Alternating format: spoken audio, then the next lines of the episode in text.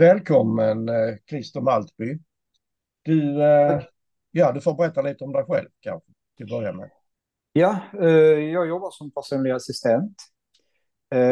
Jag jobbar i Ängelholms kommun och jag jobbar just, jag jobbar inte i kommun utan jag jobbar under Främjas kollektivavtal. Men jag jobbar hos en brukare där vi har dygnspass, jobbar 24 timmar. Och jag har valt att engagera mig i det här just därför att jag vet hur illa det här kommer att drabba för brukaren eh, om den möjligheten skulle upphöra.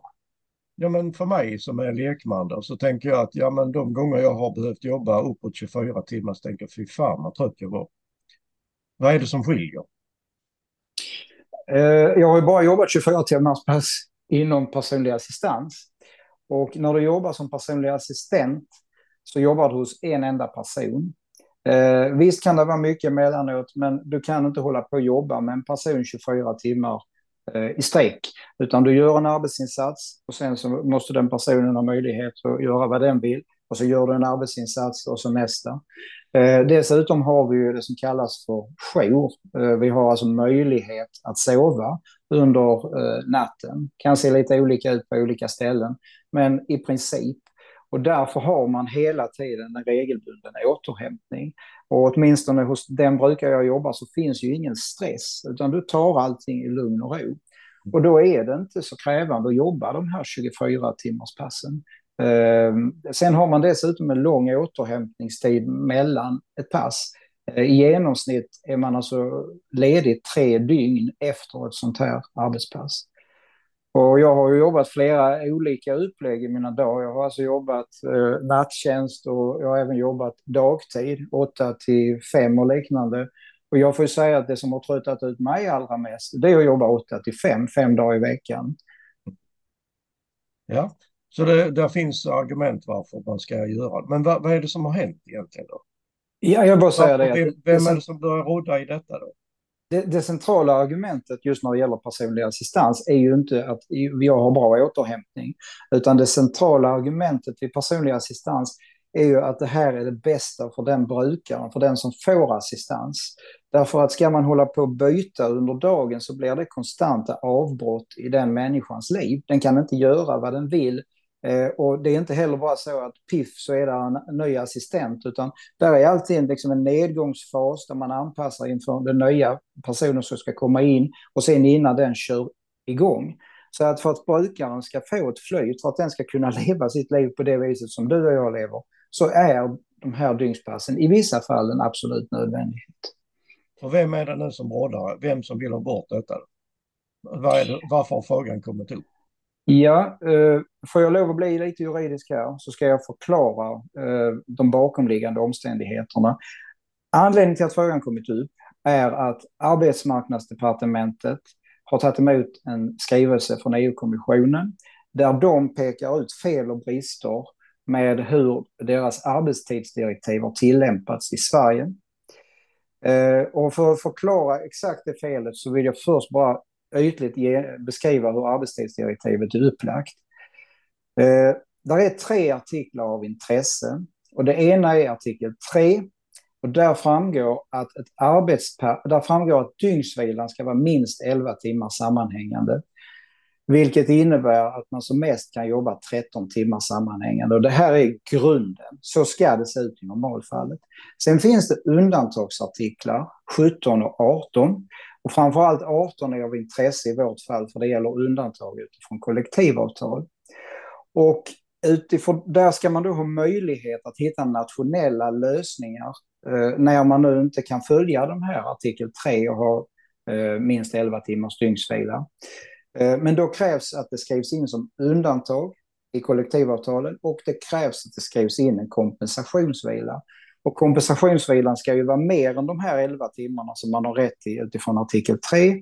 Och grundtanken så som eh, EU tycks ha tolkat det och, och, och även kommunal och SKR här är att man ska ha ungefär lika mycket ledighet innan eh, eh, ett arbetspass som är säg 24 timmar som, och, och, efter. Så har du ett arbetspass 24 timmar ska du alltså vara ledig 24 timmar innan och 24 timmar efter. Men vad fan är då problemet? För du sa ni, som du till exempel jobbar 24 timmar och sen är du ledig tre dygn. Det blir ju mer än väl den ledigheten. Där är inget problem utifrån EU. Det är det ja. som är det, problemet i alltihopa. Därför att det, det, Sverige har gjort fel, och EU, det EU pekar på, är att man inte har använt sig av de här undantagen i artikel 17 och 18. Utan det man har gjort är en vantolkning av artikel 3. Man har helt enkelt gjort som så, man sagt att de här 13 timmarnas maximala arbete, de kan man lägga in till varandra.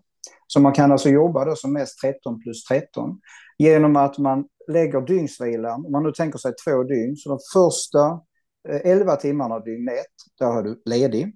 Och sen har du 13 timmars arbete och sen, när du går in på dygn 2, har du 13 timmar arbete igen och sen 11 timmar ledighet. Och då har du möjlighet att jobba 26 timmar. Men du använder dig av fel artikel. Och vad är då problemet med att använda sig av fel artikel?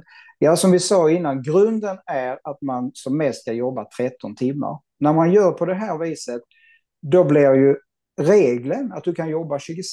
Då kan ju alla jobba de här 26 timmarna. För det EU säger, det är att arbete och vila ska alterneras när vi utgår från den här artikel 3. Och då är det ju alltså så att är du ledig 11 timmar så ska du jobba 13 timmar och sen ska du vara ledig 11 timmar. Men det har man inte gjort i Sverige. Mm. Och en konsekvens av detta är dessutom att man får en alldeles för kort kompensationsledighet. För lägger man det så att man har 11, 13, 13, 11 så har du bara 11 timmars vila, åtminstone på pappret 11 timmars vila innan och efter ett arbetspass på 26 timmar. Så det är ett slags dubbelfel som har gjorts utifrån det här att det har blivit ett allmängods för alla. Och där är ju väldigt tydligt, där de också skriver i den här skrivelsen till arbetsmarknadsdepartementet, att undantag ska användas restriktivt. Och det innebär att det upplägg som Sverige har haft, där man har möjliggjort för alla att jobba så här långa arbetspass, har ju helt plötsligt inte varit restriktivt alls. Alla har ju kunnat jobba så. Mm. Så där är problemet och där är det felet som Sverige har gjort. Men problemet för oss är ju inte det EU kräver. För EUs krav är fullt rimliga och jag förstår absolut hur de tänker. Problemet är att man förutom att skriva in som undantag, som man nu har gjort i avtalet mellan sig, SKR och eh, Kommunal, eh, och även skrivit in kompensationsledighet, har man lagt till att man som mest kan jobba 20 timmar. Ja, det här är inget... Ursäkta? Hur har man hittat den siffran? Då? Man har inte hittat den någonstans. Och eh, det finns ett uttalande från eh, bland annat från Jeanette Hedberg på SKR, som är en av de som är verkligen drivande i det här. Eh, det utgår från en artikel i Expressen och jag citerar hennes uttalande där. Hon säger så här. Eh, hon förklarar att de efter månader av förhandlingar och diskussioner kom fram till att sätta en maxgräns på 20 timmar Eh, för ett arbetspass, trots att detta inte är ett krav från EU. Eh, vi måste sätta en gräns någonstans. Det går inte att läsa ut en maxgräns i direktivet. Den vägledningen, vägledningen är ganska skral. De 20 timmarna är satta utifrån vad vi tror krävs för att leva upp till direktivets krav. Det finns alltså inget underlag. Det finns ingenting som framgår från EUs eh, arbetstidsdirektiv att man måste sätta en maxgräns. Det finns ingenting i skrivelsen mellan EU-kommissionen och arbetsmarknadsdepartementet som pekar på att långa arbetspass i sig själv är problemet, utan det är upplägget som man visar på är ett problem.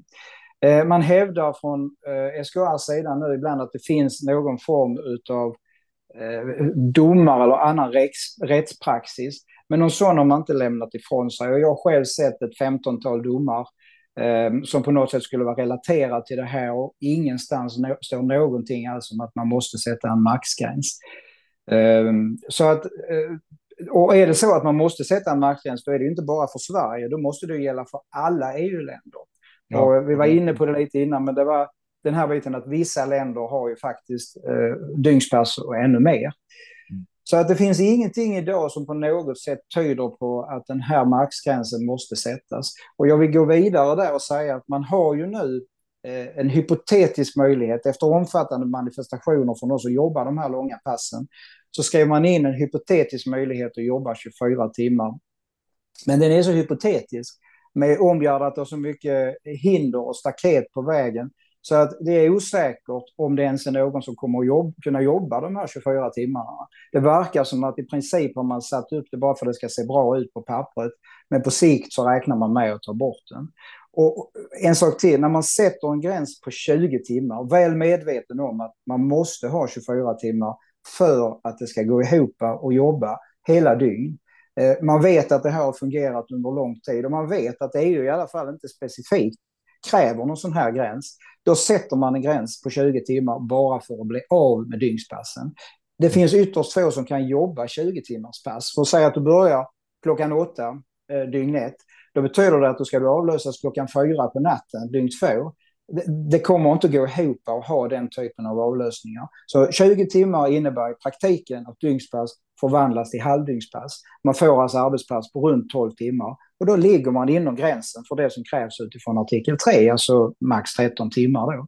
Mm. Så det är satt för att man, det ska se ut som att man har, eh, man har använt sig av undantagen, men i själva verket så vill man inte ha så här långa pass. Man vill ha att de flesta arbetspass ligger innan undantagen. Mm. lite hårdraget kan man säga att de restriktioner som EU pratar om, som egentligen bara handlar om att man ska få in undantag i kollektivavtalen, så att det är specifikt vissa grupper, de har man på något sätt tolkat från SKR och Kommunal som att nästan ingen kan jobba utifrån undantagen. Och det är en extrem tolkning som är helt felaktig. Så det här kommer ju att drabba både brukare och, och personal, om jag förstår det rätt. Då. Ja, det kommer det att göra. För att de ska skydda sin rygg, de här juristerna. Eller? Ja, exakt så. De som sitter i toppen på S de som sitter i toppen på SKR, Kommunal, vi har tydliga indikationer på att även arbetsmarknadsdepartementet är inblandade i detta. Och de nekar ju till det, men eh, vi har i princip belägg för detta. Um, så att de som sitter i toppen vill vara på den säkra sidan. De vill vara säkra på att EU kommer att acceptera det här. Man vill inte ta risk att det här kan gå vidare till EU-domstol. Det finns också ett frågetecken utifrån eh, vad det blir av kollektivavtalen i förlängningen om det här skulle dras vidare. Så man är helt enkelt rädd, man, man skyddar sin egen rygg. Och då kastar man verksamheten, eh, de människor som är i behov av den här verksamheten inom personlig assistans, brukare, men även när du ser eh, ambulans eh, och, och räddningstjänst, där alla medborgare i princip riskerar någonting utifrån detta, att man inte klarar av att bemanna. Och därför så kan människor dö på grund av detta. Eh, så att man är beredd att kasta allt det och vi arbetstagare kastar man också under bussen och Kommunal kastar sina egna medlemmar under den här bussen bara för att rädda sitt eget skinn. Det finns som jag ser ingen annan förklaring till det. Vad säger Kommunal då? Som ju skulle, ska vara de som hävdar våra intressen. Ja, först så sa ju Kommunal att eh, det är utifrån EU. Eh, man kan inte jobba längre än 20 timmar. Sen kunde man ju helt plötsligt efter de här manifestationerna. Men när vi pratade med dem då, eh, jag hade bland annat ett samtal med Lena Byström på Kommunal, eh, då, sa, då ville de inte prata om EUs regler överhuvudtaget, utan sa de att detta är en förhandlingslösning. Typ att ja, vi vill egentligen mer, men nu är det SKR som är problemet. Eh, när jag begär ut och får underlag, inte bara jag utan flera andra, något underlag där där det framgår att man kan bedöma på något sätt i alla fall att man måste sätta en gräns på 20 timmar så vägrar de att lämna ut det underlaget. Mm. Och de vägrar i princip att svara på några mer ingående eh, frågor kring det här. Så i princip möts vi av eh, tystnad just nu. Eh, jag, jag, jag, vill gärna ge ett exempel för att visa hur, hur jag menar att Kommunal, även om inte man ljuger rakt av, så ljuger man genom att eh, ibland blanda in det som EU kräver med det man själv har kommit överens om med, med SKR. Som ungefär, ja det här är samma sak. För den oinvigde så kan man inte göra skillnad utan då framstår det som rimligt. Men jag vill också ta ett exempel. Det här är från ett nummer i Kommunalarbetaren. Där eh, Kommunals eh, jurist Malin Sjunnebo har ett uttalande som jag gärna vill läsa för att illustrera hur, man hanterar de här frågorna. Och där jag menar att svaret i sig själv är en lögn, även om man inte ljuger rakt av. Eh, Kommunals jurist Malin Sjunnebo pekar också på att EU inte bara kritiserat att kollektivavtalet brutit mot 11 timmars dygnsvila, utan också att arbete och vila måste alternera. Ett dygnspass innebär i praktiken att flera arbetspass har lagts in till varandra och därmed bryter man mot reglerna om att vila och arbete ska alterneras. Det Malin gör här är att hon lyfter upp just det här med att man felaktigt i Sverige använt sig av artikel 3, där man som mest kan jobba 13 timmar, och lagt det här tillsammans så man kan jobba 13 på 13, eh, 26 timmar då. Det är alldeles rätt det hon säger. Detta får man inte lov att göra. Men hon framställer det genom att berätta mer som att detta är enda möjligheten. Men när man sätter sig in i det här så vet man att man har möjlighet till undantag utifrån artikel 17 och 18. Och då är det hon säger fullständigt irrelevant. Det, att, att EU har anmärkt på att man lägger eh, på det här med att arbete och vila ska alternera, det är ju därför att Sverige har gjort fel. Hade man gjort rätt så hade man kunnat jobba de här dygnspassen. Och detta menar jag på är ett exempel på en medveten lögn genom att man undanhåller centrala fakta för att man ska kunna då förstå vad är det egentligen som EU har krävt och vilka möjligheter har man utifrån EUs arbetstidsdirektiv. Och vad är det då EU har krävt? Om jag förstår det rätt så dels är det att kompensationsvila måste vara inskriven i avtalet. Är det rätt? Ja, det är rätt. Vad är det mer då? De det är vad de har krävt. De, de har krävt alltså att, om vi nu utgår från det här artikel 18 så gäller kollektivavtal. 17 är kanske mer utifrån vissa yrkesgrupper. Men eh, där ska alltså stå vilka grupper som är undantag. Eh, och det har man skrivit in nu i avtalet. Och det ska stå en kompensationsledighet. Så jobbar du mer än de här 13 timmarna, ja då ska du ha en ledighet som är ungefär, eller som är lika lång som arbetspasset är långt innan och efter. Och det är vad EU har krävt när det gäller långa arbetspass. Så är det vad det handlar om. Har, Kommunal skrivit in det nu i avtalet? Ja, de har skrivit in det. Men sen har de därtill skrivit in den här maxgränsen på 20 timmar. Och det är det som ställer till det för alla. Nu verkar det som Kommunal och SKA hela tiden, inte bara verkar, utan det är så att de på något sätt säger att ja, det här är vad EU kräver. Men det är en lögn. EU har aldrig krävt det. Det är det som gör alla oss så förbannade. Man ska vara ärlig och säga att EU har inte krävt det, men vi vill ha in det och så förklara varför de vill ha in det. Men det gör man inte. Man säger att det här är EUs fel. Och det är en lögn. Det är en lögn. Hur går vi vidare med detta, Christer? Det verkar helt på tusavis. Nej, det är inte, det, där är grejer som håller på att hända. Eh, vi kan ta ett exempel här. Nu sa jag Kommunal och SKR. Där är andra avtalsparter, eh, Sobona, eh, Vårdförbundet eh, och så vidare, som är involverade har skrivit avtal. Nu håller man på att förhandla avtal med vårdföretagen och Främja, som jag själv tillhör, Främja. Eh, och de här vill ha kvar dygnspassen, till skillnad från till exempel SKR, som är ännu, i ännu högre grad än kommunal vill bli av med de här dygnspassen. Eh, så kommer vårdföretagarna att Främja och slåss för att behålla de här dygnspassen. Och eftersom Kommunal har sagt till oss att det här är en avtalslösning, eh, pekandes på att ja, vi vill egentligen detta, men SKR vill inte det så ska vi rimligtvis få till andra avtal där man har möjlighet att jobba åtminstone de här 24 timmarna. Skulle vi inte få det, ja då är det ju som Kommunal hävdar att en avtalslösning, det är ju en lögn i så fall. För då är det ju så att de, precis som SKR, vill ha bort de här dygnspassen. Så att eh, det vi går vidare med nu ser hur de avtalen utvecklar sig. Sen är det självklart att det är så många som påverkas av detta. Man ser med ambulanssjuksköterskor som slutar. Eh, det kommer även eh, räddningstjänst, brandmän kommer att försvinna även inom personlig assistans. Så att det här kommer att bli konsekvenser som syns i samhället eh, om det här genomförs. Så att det, det, det, där kommer att hända saker på vägen. Jag tror det blir väldigt svårt för dem i förlängningen, SKR och Kommunal, att fortsätta den här lögnen för att det är helt enkelt för stora konsekvenser. Så vi matar på. Vi matar på bland annat det här där människor, där vi kan få ut de fakta som faktiskt gäller och det är inte bara SKR och Kommunal som kan föra ut sina lögner. Så jag är jättetacksam att vi får möjligheten att berätta om det här.